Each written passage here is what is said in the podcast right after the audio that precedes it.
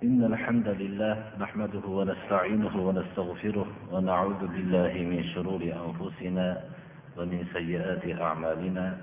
من يهده الله فلا مضل له ومن يضلل فلا هادي له. وأشهد أن لا إله إلا الله وحده لا شريك له. وأشهد أن محمدا عبده ورسوله. أما بعد السلام عليكم ورحمة الله وبركاته. Bugungi darsimizni alloh subhanahu va taolo yomon ko'rgan kishilar kimlar? Va alloh subhanahu va taolo yaxshi ko'rgan kishilar kimlar? Biz bu ikkita sifatni avvalda alloh subhanahu va taolo yomon ko'rgan kishilardan boshlaymiz. Chunki kishi yomonlikdan saqlanmaguncha yaxshilikni qila olmaydi. Undan tashqari yaxshilik qilishlikdan ilgari yomonlikdan saqlanmoqligi kerak. Shuning uchun alloh subhanahu va taolo yomon ko'rgan sifatlar qaysiki biz undan saqlanmoqligimiz kerak va alloh subhanahu va taoloning yomon ko'rishligidan saqlangan bo'lamiz. Albatta bu sifatlarning yaxshi yomon bo'lishligi kishilarning o'lchovida bo'lishligi kerak emas. Bironta bir yer yuzidagi kishi o'zini yomon demaydi va o'zini yomonlik qilayotgan kishi deb bilmaydi va o'zini Alloh yomon ko'rgan kishi demaydi modomiki Allohga ishongan bo'lsa. Lekin o'zi Alloh yomon ko'rgan kishi emasman deb turib Alloh yomon ko'rgan kishilardan bo'lishligi mumkin. Shuning uchun biz bu o'lchovni o'zimizning tarozimiz bilan o'lchamasligimiz kerak. Balki alloh subhanahu va taolo yomon ko'rgan sifatlar qaysi ekanligidan ehtiyot bo'lmoqligimiz kerak. Imom buxoriy abdulloh ibn abbos rivoyat qiladilarki abdulloh ibn abbos roziyallohu anhu rasululloh sollallohu alayhi vasallamdan rivoyat qildilarki payg'ambarimiz sollallohu alayhi vasallam aytdilarki ملحد في الحرم ومبتغ في الإسلام سنة الجاهلية وطالب دم امرئ بغير حق ليهريق دمه odamlarning Allohga yomon ko'rilgani uch qismdir dedilar. Rasululloh sollallohu alayhi vasallam. Birinchisi haramda ilhoq qiluvchi ya'ni haramda toyiluvchi Allohni qilma degan narsasini qiluvchi va qil degan narsasini qilmovchi kishi. Haram alloh subhanahu va taolo eng muqaddas qilgan joylardan biri. Mana kabai muazzamaga borgan o'rinda ilhod ya'ni Allohni hududini poymol qilgan kishi Allohga eng yomon ko'rilgan kishidir. Shuning uchun haramga borgan kishi doim ham gunohdan saqlanishligiga ma'mur bo'lganga o'xshagan haramga borgan vaqtida o'zini Allohning hukmiga qattiq bir muqayyat qilishlikka urinmoqligi kerak. Alloh qaytargan narsalardan qaytishlikda juda ham o'zini mahkam ushlashligi kerak. Ikkinchisi johiliyat yo'lini islomda talab qiluvchi kishi. Islomni bilib musulmon bo'lgandan keyin xususan johiliyat bosqichida yashagandan keyin islomni safiga o'tgandan keyin yana johiliyat yo'llarini talab qiluvchi kishi Allohga yomon ko'rilgan kishidir. Misol qilib aytganimizda johiliyat yo'llariga qaysi kiradi? Islom yo'liga qarama-qarshi bo'lgan yo'llar hammasi johiliyat yo'llaridir. Misol millatchilikka da'vat qilishlik. Ya'ni millatchilik islomga emas, balki millatchilikka chaqirishlik. rasululloh sollallohu alayhi vasallam laysa minna man daa ila asabiyya dedilar. Ya'ni millatchilikka chaqirgan kishi bizdan emas dedilar. Yoyinki vataniya fikriga chaqiruvchi kishi. Ya'ni biror bir joyda yashaganlik bilan birlashishlik islomda birlashadigan narsa aqidadir. Sahih aqida asosida insonlar birlashadi. Agarchi bittasi yerning mashriqida bo'lsa ham ikkinchisi yerning mag'ribida bo'lsa. Ammo vataniya bir joyda yashaganlik bilan birlashishlik bu xuddi hayvonlarning bir qo'rada yashashlik bilan birlashishlikdan farqi yo'qdir bundan kelib chiqmaydiki bir joyda yashayotgan kishilarni birlashmasligi kelib tushmaydi bir joyda yashagan kishilar birlashadi aqida asosida. Birlashish vositasi islom aqidasi bo'lmoqligi kerak. Shirkka chaqirgan kishi. Islom keldi shirk ketdi. Shirk amallariga chaqirgan kishi johiliyat yo'liga chaqirayotgan kishidir. Islomda johiliyat yo'llarini talab qiluvchi kishidir. Alloh subhanahu va taologa eng yomon ko'rilgan uchta toifaning ikkinchisi shudir niyohat johiliyat davrida navhagarlik ya'ni biror bir musibat yetgan bo'lsa yo otasi yo onasi yo biror qarindoshi vafot qilgan bo'lsa shu odam butun sifatlarini aytib turib yig'lashlik.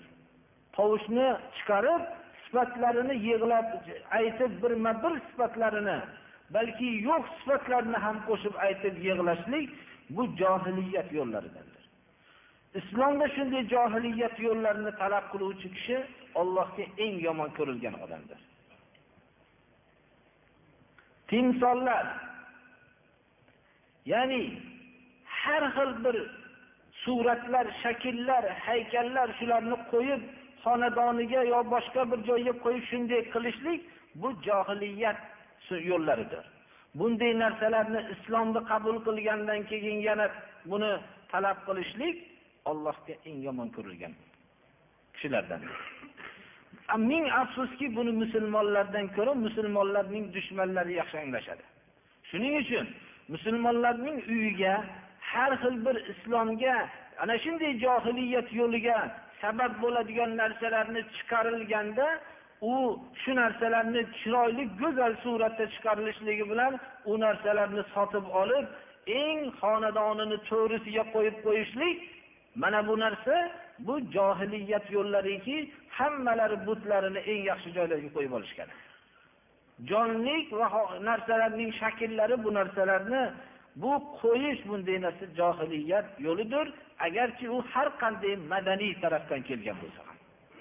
Qaysi bir inson johiliyat odatlarini kuchaytirishlikni maqsad qiladigan bo'lsa ollohga eng yomon ko'rilgan odamlardandir. Uchinchi yomon ko'rilgan odam nohaq bir kishining qonini talab qiluvchi kishi.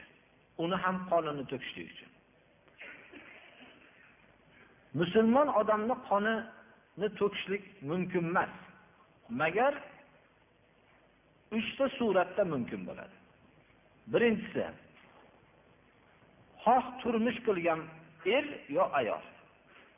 Turmush qilib turib fohisha bilan shug'ullangan bo'lsa turmushi bo'lib turib fohisha bilan shug'ullangan bo'lsa islom buni qonini to'kishlikni halol deydi. Islom jazosi uni toshbo'ron qilib o'ldiriladi. Badanining harom bilan lazzatlangan har bir badanini dan u lazzatlangan harom bilan lazzatlangan badanni tosh bilan uriladi. Va halok bo'lguncha uriladi. Shu hukmni fatvo qilib berilgan kishi birinchi marta toshni otib beradi. Va mo'min kishi shu yerda hozir bo'lganda islomni buyrug'i deb unga tosh otishligi rahmdilligi deb ataladi. Agar bir kishini musulmonlikni davo qilib turib bir kishini o'ldirgan bo'lsa nohaq qisos olinib uni ham qoni to'kilishlik halol bo'ladi. Uchinchisi dinidan voz kechgan murtad. Musulmon bo'lib olloh saqlasin musulmon oilada bo'lib musulmon bo'lgandan keyin islom hukmida islom hukmi barpo bo'lib turgan vaqtda islomdan o'zini qaytganligini e'lon qilgan murtad bo'lsa musulmon bo'lib turish uchun dindan qaytgan murtadni qoni halol hisoblanadi.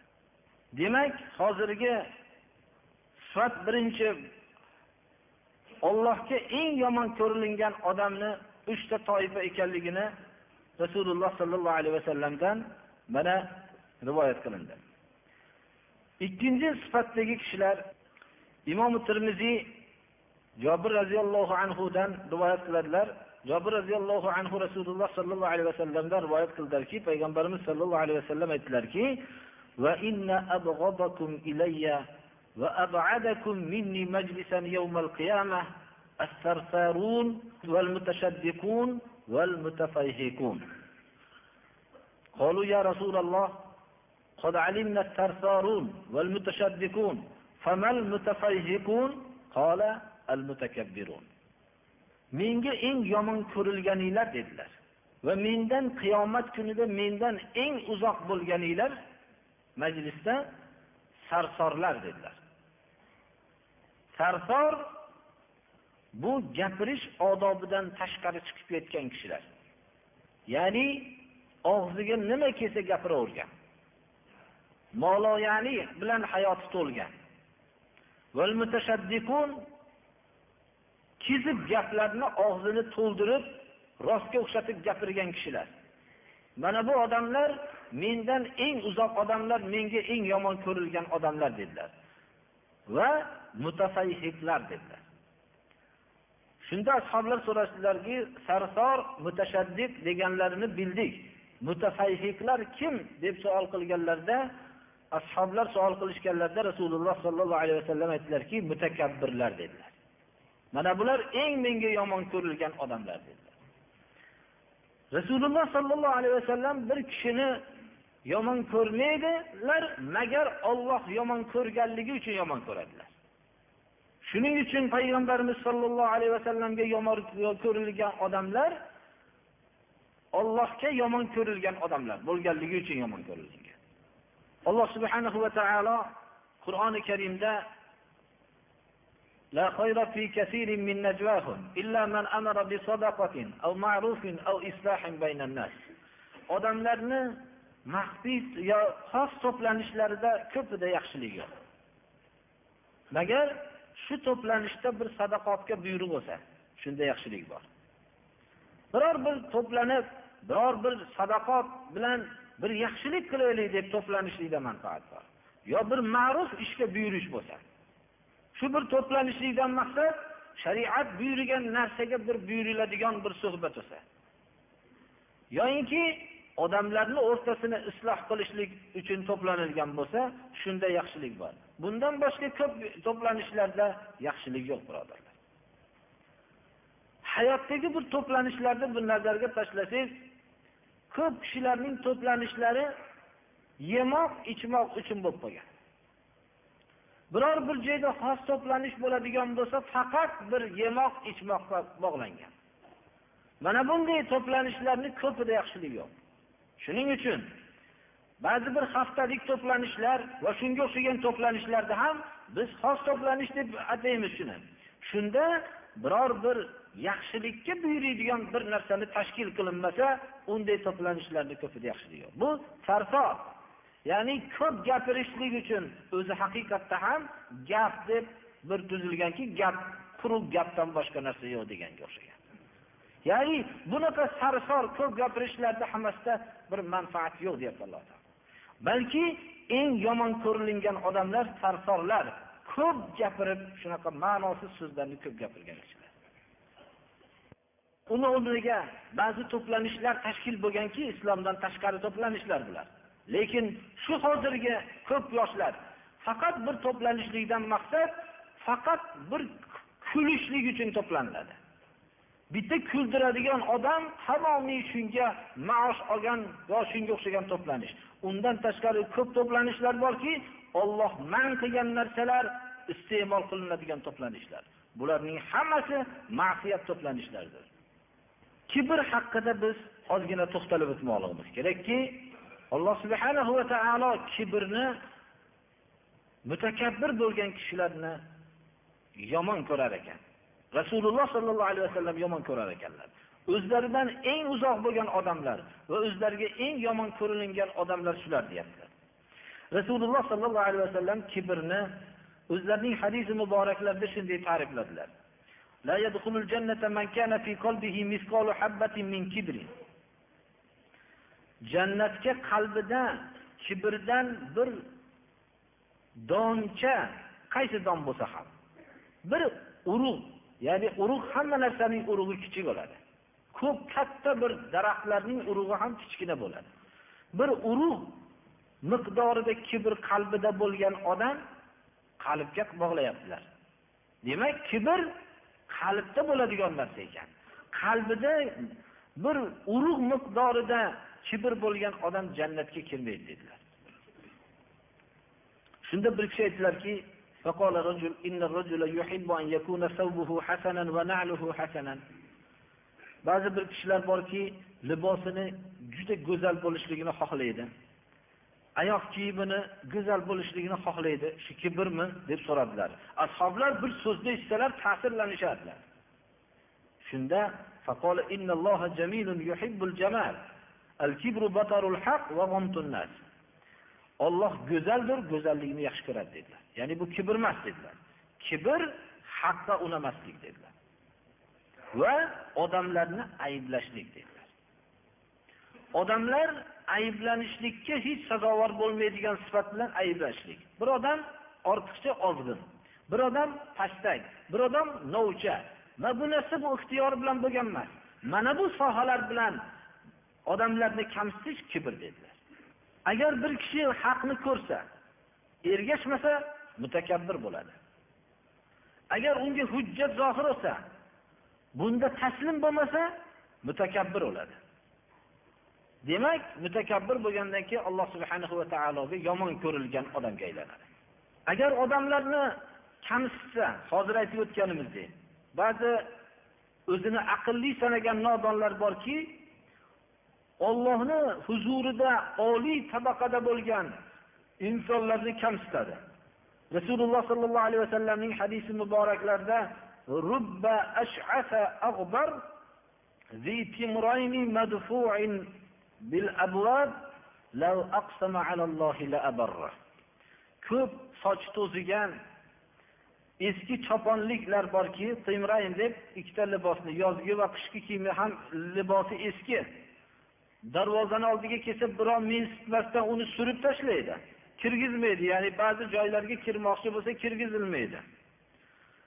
Shunaqa odamlar borki ollohga qasam ichib xudoyo shu shuni qilib bergin deb qasam ichib qasam ichib qo'ydim desa olloh uni yolg'onchi qilmaydigan zotlar dedilar rasululloh sollallohu alayhi vasallam.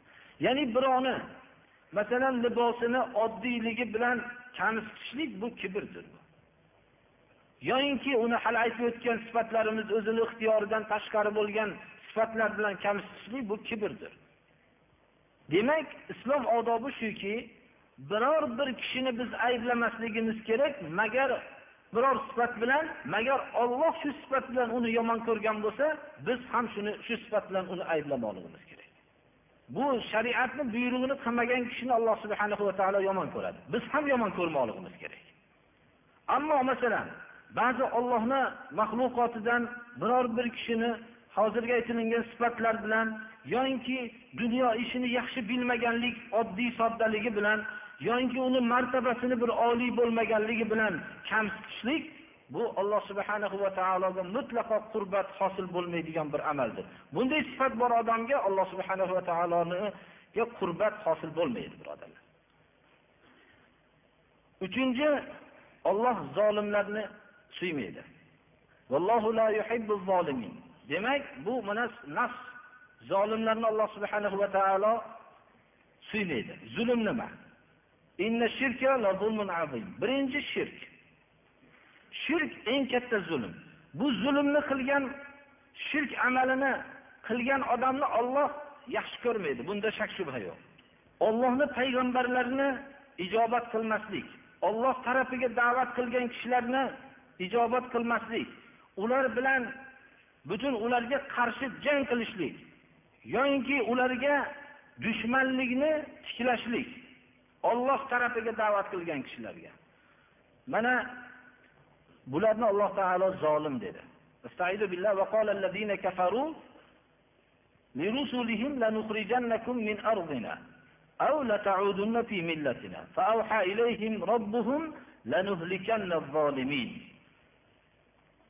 payg'ambarlarga kofirlar aytdiki biz sizlarni yerimizdan chiqarib yuboramiz yo biz yo'limizga qaytasizlar dedi alloh subhanahu va taolo ularga vahiy qildiki zolimlarni albatta halok qilaman dedi demak payg'ambarlarni yo'lini ijobat qilmaslik zulmdir shaytonga itoat qilishlik zulmdir qur'oni karimda وقال الشيطان لما قضي الأمر إن الله وعدكم وعد الحق ووعدتكم فأخلفتكم وما كان لي عليكم من سلطان إلا أن دعوتكم فاستجبتم لي فلا تلوموني ولوموا أنفسكم ما أنا بمصرخكم وما أنتم بمصرخي إني كفرت بما أشركتموني من قبل إن الظالمين لهم عذاب أليم يعني shu yerda alloh subhanahu va taolo shaytonga itoat qilgan kishilarni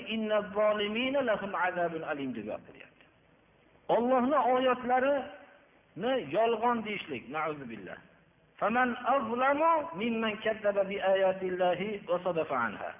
ollohni oyatlari tilovat qilinganda ollohni oyatlarini yolg'on deb undan yuz o'girgan kishidan ko'ra zolimroq kim deyapti alloh? Zulmdandir alloh subhanahu va taolo tushirgan hukmdan boshqa hukm bilan hukm qilishlik. Qaysi bir kishi ollohni hukmidan boshqa hukm bilan hukm qilsa uni ko'rinishligi qanday bo'lishligidan qat'iy nazar zulmdir. Olloh bularni zolimlarni yaxshi ko'rmaydi. Olloh yomon ko'radigan sifat olloh tushirgan hukm bilan hukm qilmaslikdir. Qur'oni karimda dedi alloh taolo. Vallohu la biz buni yaxshi bilib olishimiz kerak. Zolimlarni olloh yaxshi ko'rmaydi. demak ollohga kizibni nisbatlash.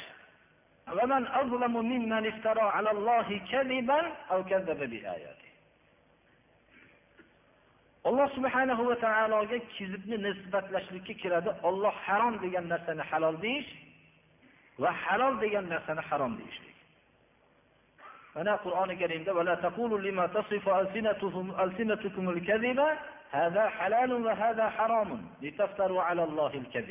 ollohga iftiro deb bu oyatda yod qilyapti. Alloh subhanahu va taologa olloh saqlasin xususan ahli ilmlarni ozgina bir oyat hadisdan bir narsa bilgan kishilarni ollohni oyatlarini ma'nosidan boshqa ma'no berishlik. Mana bu narsa ham alloh subhanahu va taologa kizibni bo'xton qilishlik jumlasiga kiradi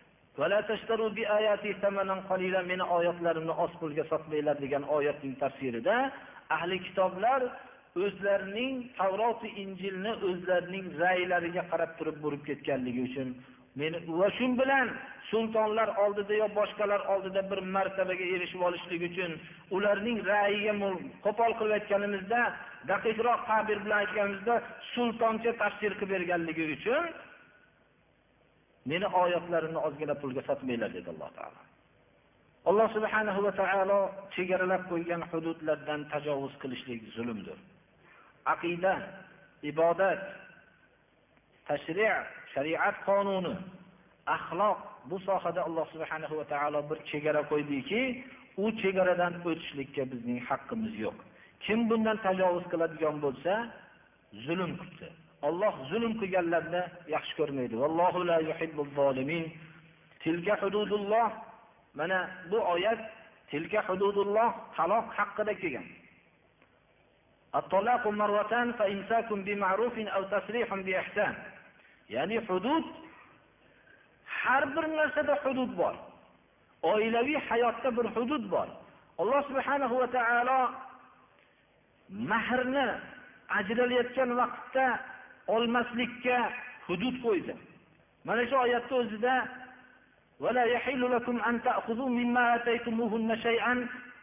deb bu yerda oyatni shu oyatdan keyin keladi.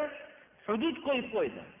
Oilaviy birga nikohlanishlikda hudud bor ajralishlikda hudud bor mana shu hududlardan zikr qilingan o'rinda tilka hududulloh فلا تعتدوها ومن يتعد حدود الله فأولئك هم الظالمون dedi Alloh taolo. Oilaviy hududni o'zida boshqa hududlarni qo'ying. Siz hokim bo'lgan, siz uyda zo'ravon bo'lgan, oilaviy huquqlardagi shu yerda sizni gapingiz gap bo'ladigan o'rinlardagi shu o'rinda dedi.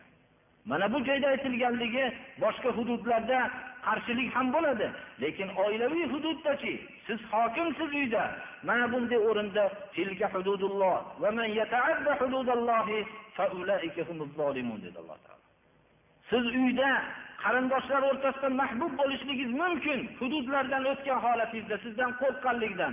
Lekin alloh subhanahu va taolo vallohu la yuhibbu zolimin deyapti. Mana bu joyda insonni taqvo saqlamasa boshqa hech narsa saqlolmaydi. Boshqa yerda qarshilik kuchlari bilan yengilish mumkin. Ammo oilada siz hokim bo'lib turgan oilada unda hududlarni rioya qilishlik olloh qalbiga taqvo bergan kishilargagina nasib bo'ladi. Havoga ergashishlik zulmdir. Allohni shariatini qo'yib, havoga ergashib ketishlik. Fa in lam yastajibu laka fa'lam annama yattabi'una ahwa'ahum. Wa man adallu mimman ittaba'a hawahu bighayri hudan min Alloh. Innalloha la yahdil qawma zolimin deyapti bu yerda. Zulm jumlasidandir yana insonga Alloh subhanahu va taoloning oyatlari eslatilsa-yu, bu eslashlikni xohlamasa.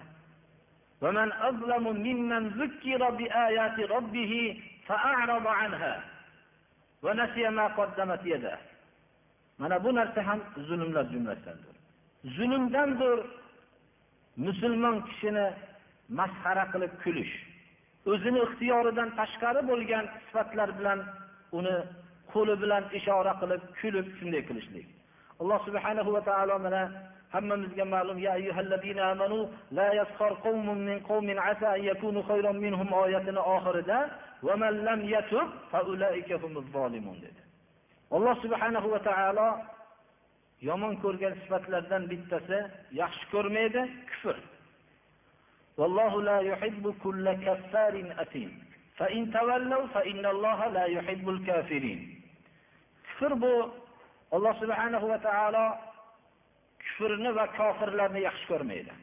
Kufr insonni jinoyatga olib boradi. Shuning uchun ham kulla kaffarin asim deb alloh taolo asim bilan sifatlayapti. Rasululloh sollallohu alayhi vasallam la tarji'u ba'di kuffaran ya'ni ming afsuslar bo'lsin mana shu so'zni aytishligimiz hammamizga ham o'zi qiyin va achinarliki mendan keyin bir biringlarni yelkanglarga uradigan kofir bo'lib qaytib ketmanglar dedilar. Kimlarga? Ashoblarga aytdilar shu ashoblarni ustida shundan tashvish qildilar ashoblariki mollarini jonlarini din yo'lida sarf qilolmagan ashoblarga shunday xitob qildilar.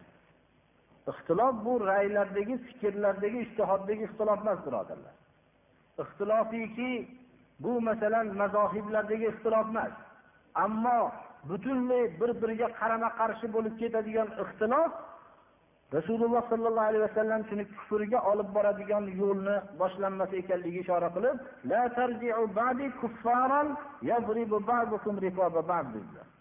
alloh subhanahu va taolo ixtilofiki hozirgi aytgan ixtilofga giriftor bo'lgan xalqlar ollohni rahmatidan mahrum ekanligiga ishora qildi.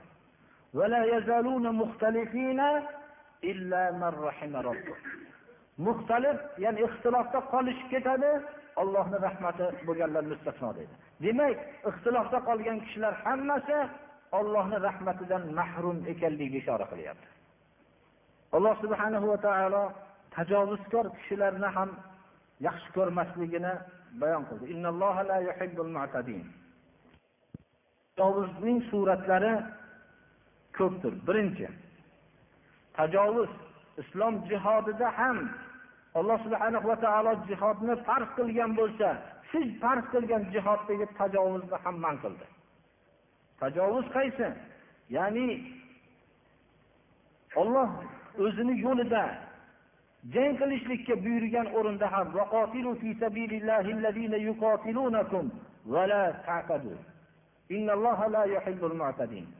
o'zi bilan musulmonlarga jang qilgan kishilar bilan ollohni yo'lida jang qilishlikka buyurgan o'rinda ham tajovuz qilishlikdan man qildi. Tajovuz bu narsa jihod qilmaslik degani emas birodarlar. Jihod alloh subhanahu va taoloning farzi shu jihodda ham musulmonlarning tarixiga nazar tashlansa xususan sahobalar tobiinlar jihodlariga nazar tashlansa birortalari tajovuz qilishmadilar. O'zi har bir amalda mashru bo'lgan narsani haddidan tajovuz qilishlik ham tajovuz jumlasiga kiradi. Rasululloh sollallohu alayhi vasallam duoda va tahoratda tajovuz qiladigan kishilarni xabarini berdilar. Ya'ni shunday odamlar keladiki dedilar duoda tajovuz qiladigan va tahur tahoratda ham haddidan tajovuz qiladigan kishilar keladi dedilar.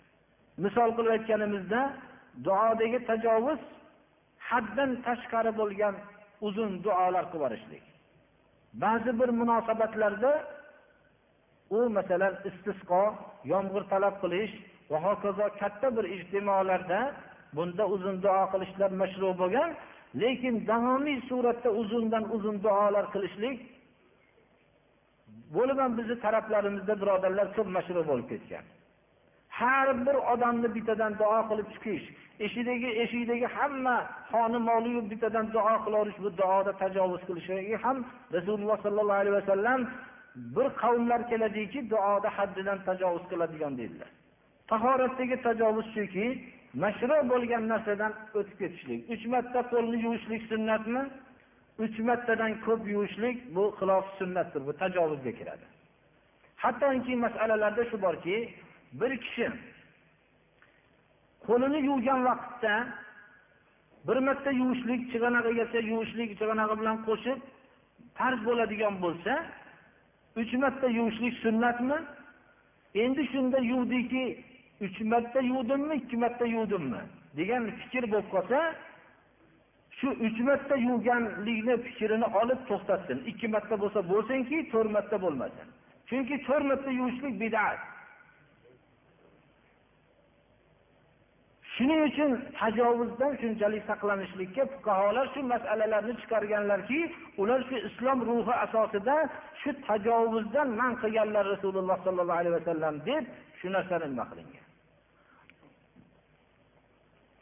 Alloh subhanahu va taolo halol qilgan toyibotlarni harom qilishlik. Bu ham tajovuz. La tuharrimu ma lakum oyatidan keyin va la ta'tadu. Innalloha la yuhibbul mu'tadin. Alloh halol qilgan toyibotlarni harom qilmanglar. Rasululloh sollallohu alayhi vasallam toyibotlarni bizni dinimizdaqa toyibotlarni halol qilgan din yo'q, birodarlar. Nasorolarning dini ular tarki dunyo qilib butun dunyodan voz kechib yaxshi shirin taomlarni yemaslik bilan katta darajat hosil qiladi deb tushuntiriladi. Hattoki mana tarixda nasorolarning uzoq va yaqin tarixida maxsus bir ularning peshvolarini o'n yil yuvinmaganliklari zikr qilinadi. Xudoga qurbat hosil qilaman deb o'n yil yuvinmagan ularning yo'l olib kelgan o'zlarining ixtiro qilgan yo'llarida buni iso alayhissalom bunday din olib kelgan emaslar. U kishi olloh subhanahu va taolo tarafidan islomni olib kelgan. Qanchalik yuvinmasa qanchalik nopok bo'lib qanchalik ovqatlardan o'zini shirin ovqatlardan bosh tortgan sari shunchalik qurbat hosil qiladi deb tushuntiriladi. Alloh subhanahu va taolo mana bu yerda olloh sizlarga halol qilgan toyibotlarni harom qilmanglar haddinglardan oshmanglar. Olloh haddidan oshgan kishilarni suymaydi deyapti. isrof qiluvchilarni Alloh yaxshi ko'rmaydi. Alloh yomon ko'rgan sifatlardan bittasi isrofdir, birodarlar. Ya bani Adam, khuzu zinatakum inda kulli masjid va kulu washrabu va la tusrifu innahu la yuhibbul musrifin. Yeyishga, ichishga Alloh subhanahu va taolo buyurdi. Lekin isrof qilishlikdan qaytardi shun bilan birga. Va isrof kalimasini Qur'oniy istilohda ifsod kalimasi bilan barobarlashtirdi استعيذ بالله ولا تطيعوا امر المسرفين الذين يفسدون في الارض ولا يصلحون ta'kidni qarang isrof qilgan odamdan fasoddan boshqa narsa sodir bo'lmaydi isloh undan sodir bo'lmaydi alloh subhanahu va taolo qur'oni karimda isrof kalimasini tabzir ma'nosi bilan ham ifodaladi va isrof qiluvchilarning shaytonni birodarlari dedi ولا تبذر تبذيرا إن المبذرين كانوا إخوان الشياطين وكان الشيطان لربه كفورا yaqin qarindoshlarga haqqini o'ting miskinlarni haqqini o'ting musofirlarni haqqini o'ting isrof qilmang dedi hatto haqni o'tayotgan o'rinda ham isrof qilishlikdan man qildi hattoki islom o'zidagi bor narsani berishlikni ham isrof dedi o'zidagi bor narsani rasulini huzuriga olib kelgan hamma bor imkoniyatini olib kelgan narsani ham isrof dedi. Lekin ma'lum bir o'rinlardan boshqa narsa o'rinda. Abu dovud jobir roziyallohu anhudan rivoyat qiladiki rasululloh sollallohu alayhi vasallamning oldilarida o'tirgan edik bir tuxumcha bo'lgan tilloni olib keldi. Bir kishi. Payg'ambarimiz sollallohu alayhi vasallamning huzurlarida o'tirgan edik shunda yo rasululloh أصبت هذا من معدن فخذها فهي صدقة ما أملك غيرها. فأعرض عنه. ثم قال مثل ذلك من قبل يمينه فأعرض عنه. ثم من يساره فأعرض عنه. ثم من خلفه فأخذها صلى الله عليه وسلم فحذفه بها فلو أصابته لأوجعته أو لعقرته وقال يأتي أحدكم بجميع ما يملك فيقول هذه صدقة ثم يقعد يستكف الناس خير الصدقة ما كان عن ظهر غنى يا رسول الله men mana shu olib kelgan narsa bir kondan topdim buni oling sadaqa bundan boshqa narsam yo'q meni bor topganim shu deb berdi shunda rasululloh sollallohu alayhi vasallam bosh tortdilar yuz o'girdilar o'ng taraflaridan kelib ham shuni aytdi chap taraflaridan kelib ham shuni aytdi hammasidan bosh tortdi yuzlarini o'girib yubordilar orqa taraflardan kelib ham shunday buni oling bundan boshqa narsam yo'q bor narsam shu deb berdi. Ancha jarohatlab qo'yadigan darajada g'azab bilan otdilar. Va aytdilarki sizlarni bittalaringlar bor narsasini olib keladida bu sadaqa deydida kelgan odamlardan muhtoj bo'lib yana bir narsa so'rab o'tiradi hech narsasi qolmagandan keyin dedilar hattoki rasululloh sollallohu alayhi vasallam mana bu o'rinda isrofni o'zini bor narsasini ham berishlikni isrof dedilar. Chunki bu biz bu yerda buni tushunishligimiz uchun bir kishi hamma bor narsasini berib ko'rish kerak. Berib ko'rgandan keyin o'zida muhtojlik bo'ladida uni ko'tarolmaydi ko'tarolmaydida uni birovdan bir narsa so'rashlikka muhtoj bo'lib qoladi. U muhtojlikdan ko'ra bor narsasining ozroq qismini berib muhtojligini bildirmagan deyaptilar biroz bir kishi e'tiroz bildirib qolishligi mumkinki abu bakr roziyallohu anhu tabuk g'azotida hamma narsalarni olib keldilaru deb e'tiroz bildirishligi mumkin. Abu bakr roziyallohu anhu tabuk g'azotida olib keldilar agar abu bakr roziyallohu anhuni iymonini yer ahlini iymoniga taqqoslansa abu bakrni iymoni baland keladi deganlar rasululloh sollallohu alayhi vasallam. U kishi bersalar ham birovdan keyin muhtojliklarni bildirib so'raydigan kishi emas edilar. Shunday javob bersak to'g'ri bo'lsa kerak allohu alam.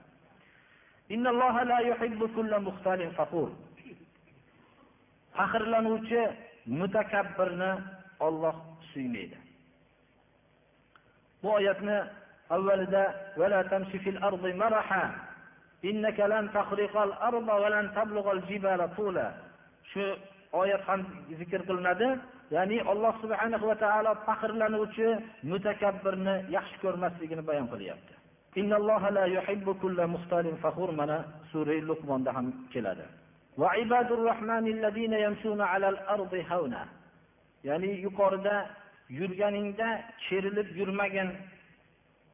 degan oyat zikr qilingan ya'ni bir o'zida mutakabbirlik belgisini ko'rsatmasdan yurishlikka harakat qilmoqlik kerak.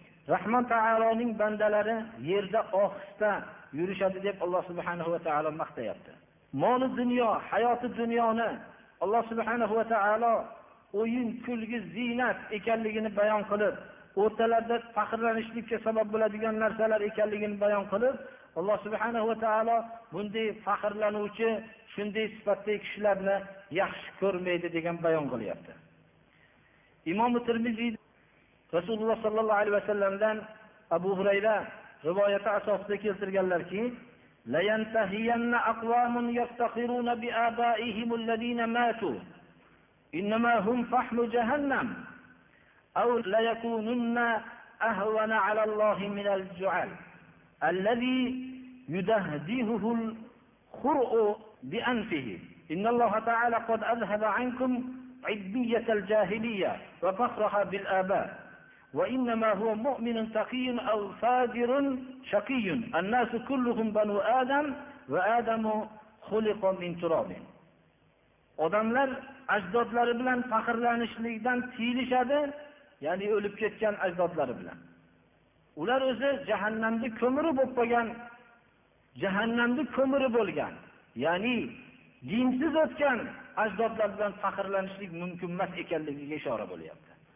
Yoyinki ollohga bee'tibor bo'lishadi bitta burni bilan tezakni harakatlantirib yurgan jual degan butun go'ngitib turgan qo'ng'iz bor ana shundan ham e'tiborsiz bo'lib ketishadi. Alloh subhanahu va taolo sizlardan johiliyat yo'llarini sizlardan ketkizdi ya'ni otalar bilan faxrlanishlik bu johiliyat fe'li bu. Hayotda ikki toifa bor. Taqvoli mo'min yoyinki badbaxt fosiq bor. Odamlarning hammasi odam alayhissalomni avlodi odam alayhissalom tuproqdan yaratilganlar. Kibr haqida biz mana bu narsani ham bir o'ylab qo'ymoqligimiz kerak birodarlar imom buxoriyni rivoyatlari imom nasoiyni rivoyatlari abdulloh ibn umar roziyallohu anhudan rivoyat qilingan rasululloh sollallohu alayhi vasallamdan shu hadis sharif borki بينما رجل ممن كان قبلكم يجر إزاره من الخيلاء خسف به فهو يجلجل في الأرض إلى يوم القيامة bir kishi sizlardan ilgarigi bo'lgan kishilardan bir kishi o'zining libosini takabburlikdan yerda sudrab yurardi. Buni yerga yutkizildi. Yerda u doy qiyomatgacha yerga kirib boradi dedilar. Ya'ni bu liboslarni yerda sudralib yuradigan darajada libosni kiyishlik bu narsa takabburlikdan bo'lsa ba'zilar bu hadisni sharhida agar takabburlik maqsadida bo'lsa shu kibrga kiradi deganlar. Ba'zilar bo'lsa mutlaqo aytganlar. Shuning uchun libosni yerga sudralib yuradigan bo'lishligidan ehtiyot bo'lmoqlik kerak. Bu bizni tarafimizda ko'proq masalan uzun liboslar kiyilmaganligi uchun mana bu narsa uzun liboslar kiyilmaganligi uchun boshqa kiyimlarni ham yerga tegadigan bo'lishlikdan ehtiyot qilmoqlik kerak. chunki hadislarni zohiri shuni ko'rsatadiki abu hurayra rivoyatlarida mana وقد رأى رجلا يجر إزاره وجعل يضرب الأرض برجله فقال له قال النبي صلى الله عليه وسلم إن الله لا ينظر يوم القيامة إلى من جر إزاره بطرا kiyimini yerga sudrab yurgan kishini ko'rganlarida aytdilarki payg'ambarimiz sollallohu alayhi vasallamdan abu hurayra roziyallohu anhu hadisni rivoyat qilib payg'ambarimiz sollallohu alayhi vasallam aytganlarki alloh taolo qiyomat kuni libosini batoran ya'ni kibran batorul haq ya'ni haqqa unamaslik kibran libosini sudragan odamga qaramaydi degan hadisni o'qidilar. Ko'proq shu qaydlarda batoran bo'lganligi uchun ba'zilar hadisni batoran kalimasi bo'lmaganlarni ham huyalo kalimasi bo'lmaganlarni ham shunga qayd qilib kibr maqsadida bo'lganligiga amal qilishadi. Shuning uchun bu narsani ehtiyot bo'lishlikka agarki qalbida kibr bo'lmasa ham ehtiyot bo'lishlikka harakat qilmoqlik kerak. Bu yerda yana bir narsani ham aytib o'tishimiz kerakki payg'ambarimiz sollallohu alayhi vasallam ashoblarning bittalari ma'rakada muxtol ya'ni kibr bilan yurib borayotgandi aytdilarki shunda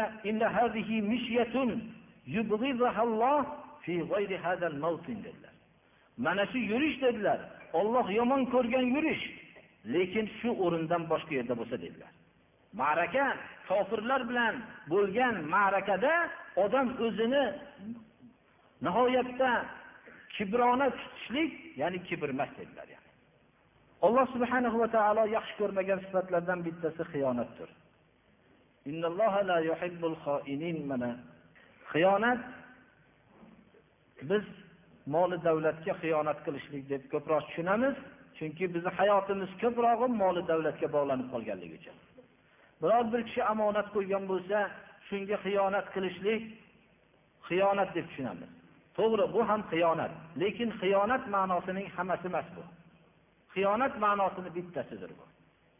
Agar bir kishiga omonat qo'yilgan bo'lsa shu omonatga xiyonat qilgan bo'lsa haqiqatda alloh subhanahu va taolo bunday xiyonatchini xohlamaydi ya'ni yaxshi ko'rmaydi.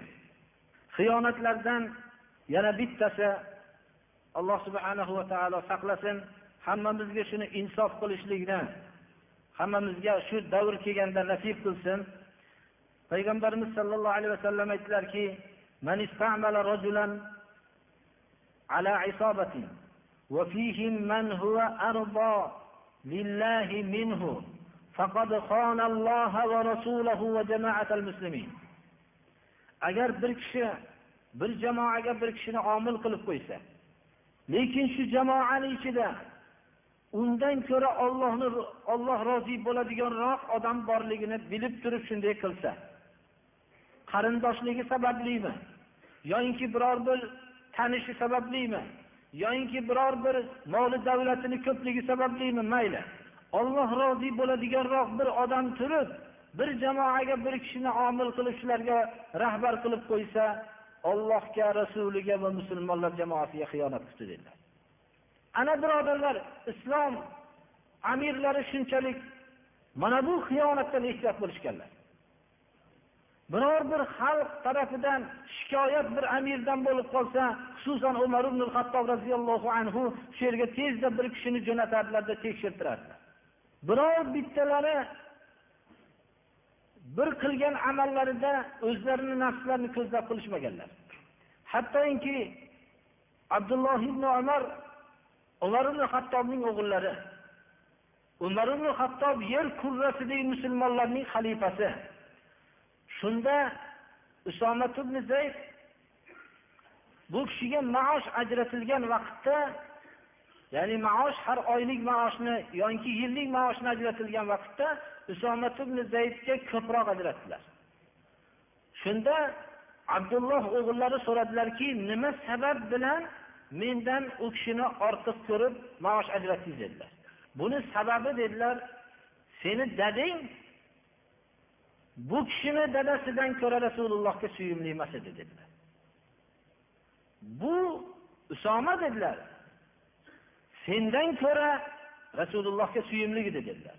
Rasululloh sollallohu alayhi vasallam men seni hammadan yaxshi ko'raman dedilar. Ota albatta farzandni yaxshi ko'radi. Lekin rasulullohni muhabbatini o'zini muhabbatimdan ortiq ko'ramanda shuning uchun bunga ko'p maosh ajratdim dedilar. Mana har bir sohalarni ashoblarni tekshirib ko'rilsa mana shunga amal qilishganlar. Chunki olloh rozi bo'ladiganroq odam turib boshqa odamni omil qilishlikni ollohi rasuliga va musulmonlar jamoasiga xiyonat deb bilishganlar mana shu omonat bilan osmonu yer barpo bo'lib turadi birodarlar. Mana shu omonatni osmonu yer ko'tarishlikdan qo'rqdi ammo inson ko'tardi shuni. Buni mo'min inson qalbida iymoni butun bo'lgan inson shu omonatni ko'tarolmaydi. Osmonu yer ko'tarishlikdan qo'rqdi bosh tortdi. Yana yelkamizda ibodat omonati bor. Mana shu ibodat uchun alloh subhanahu va taolo yaratdi. Mufassirlarning aksarlarining tafsiri tavhiddir. Mana shu tavhid omonati bor. Shu ni buzgan kishilarni alloh taolo yaxshi ko'rmaydi ya'ni xoin bo'lgan bu kishilarni olloh yaxshi ko'rmaydi fasodchi kishilarni Alloh yaxshi ko'rmaydi. Fasodning eng kattasi Allohning yo'lini to'sishlikdir, birodarlar. Chunki Allohning yo'li bilan salohiyat barpo bo'ladi. Allohning yo'lini to'sgan odam yo'llarni tekislasin, daraxtlarni ko'kartirsin, bu odamni biz fasodchi deb aytamiz Bilib olishimiz kerakki, Allohning yo'lini to'sib turib, hamma joyda tillo bilan surtib tashlasa ham biz buni mufsid deymiz. Alloh yaxshi ko'rmagan kishilar deymiz buni. Mana shu sifatdan biz uzoq bo'lmoqligimiz kerak. Chunki Allohning yo'lini avvalo unday olam qurilmaydi. Allohning yo'lini masalan to'sib turib bunday dunyodagi unaqa ko'rkam olam qurilmaydi, birodarlar. Qurilganda ham islom yo'q bo'lib turganligi uchun ma'lum bir vaqtgacha bir quriladi. U qurilganligi ichi chirib qolgan narsani ustini bo'yab qo'ygandek gap, boshqa narsa emas. Alloh mufsidlarni yaxshi ko'rmaydi. Muslih deb shuni bilamizki, Allohning kitobini mahkam ushlab amal qilganlar, namozni barpo qilganlarni muslih deymiz. inna deyapti alloh taolo. Kitobni mahkam ushlagan oyat qur'onni mahkam ushlab namozni barpo qilganlarni muslihlar deb atayapti. Ufsidlarning yana bir turi borki zohirlarida salohiyat bilan ko'rinadi va salohiyatni davo qiladi. Faqat salohiyatnigina emas balki biz odamlarni isloh qilyapmiz deb davo qiladi.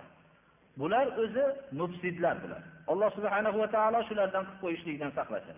Va idza qila lahum fil ard qalu innama nahnu muslihun. Ala innahum humul walakin la yash'urun. Mana shu oyatda mana bilyaptiki, o'zlarini muslihmiz deyapti. Alloh taolo ta'kid bilan ular fasodchi deyapti. Havoga ergashishlik bir fasodning belgisidir.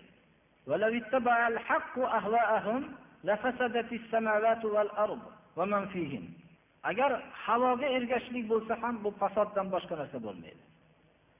وَاعْلَمُوا أَنَّ فِيكُمْ رَسُولَ اللَّهِ لَوْ يُطِيعُكُمْ فِي كَثِيرٍ مِنَ الْأَمْرِ لَعَنِتُّمْ Ichingizda Allohning elchisi bor. Bilinglarki, agar bu Allohning elchisi Rasululloh sizlarga ergashib qo'ysa, halok bo'lasizlar. Alloh subhanahu va taolo yomon ko'rgan sifatlarning bittasi al-aladdul khasim. Inna abghadar rijali ila Al-aladdul hasim Ya'ni alad bu qattiq husumatli kishi. Bir narsani husumatni juda qattiq qiladi. Alloh subhanahu va taologa eng yomon ko'rilgan odam husumati qattiq bo'lgan odamdir.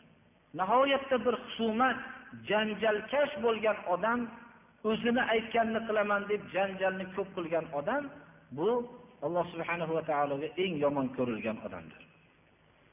Ba'zi bir husumatlarda inson faqat u haqni esdan chiqarib qo'yib, o'zini aytgani shu husumatini qattiq qiladiki, o'zini gapini g'olib qilishlik uchun.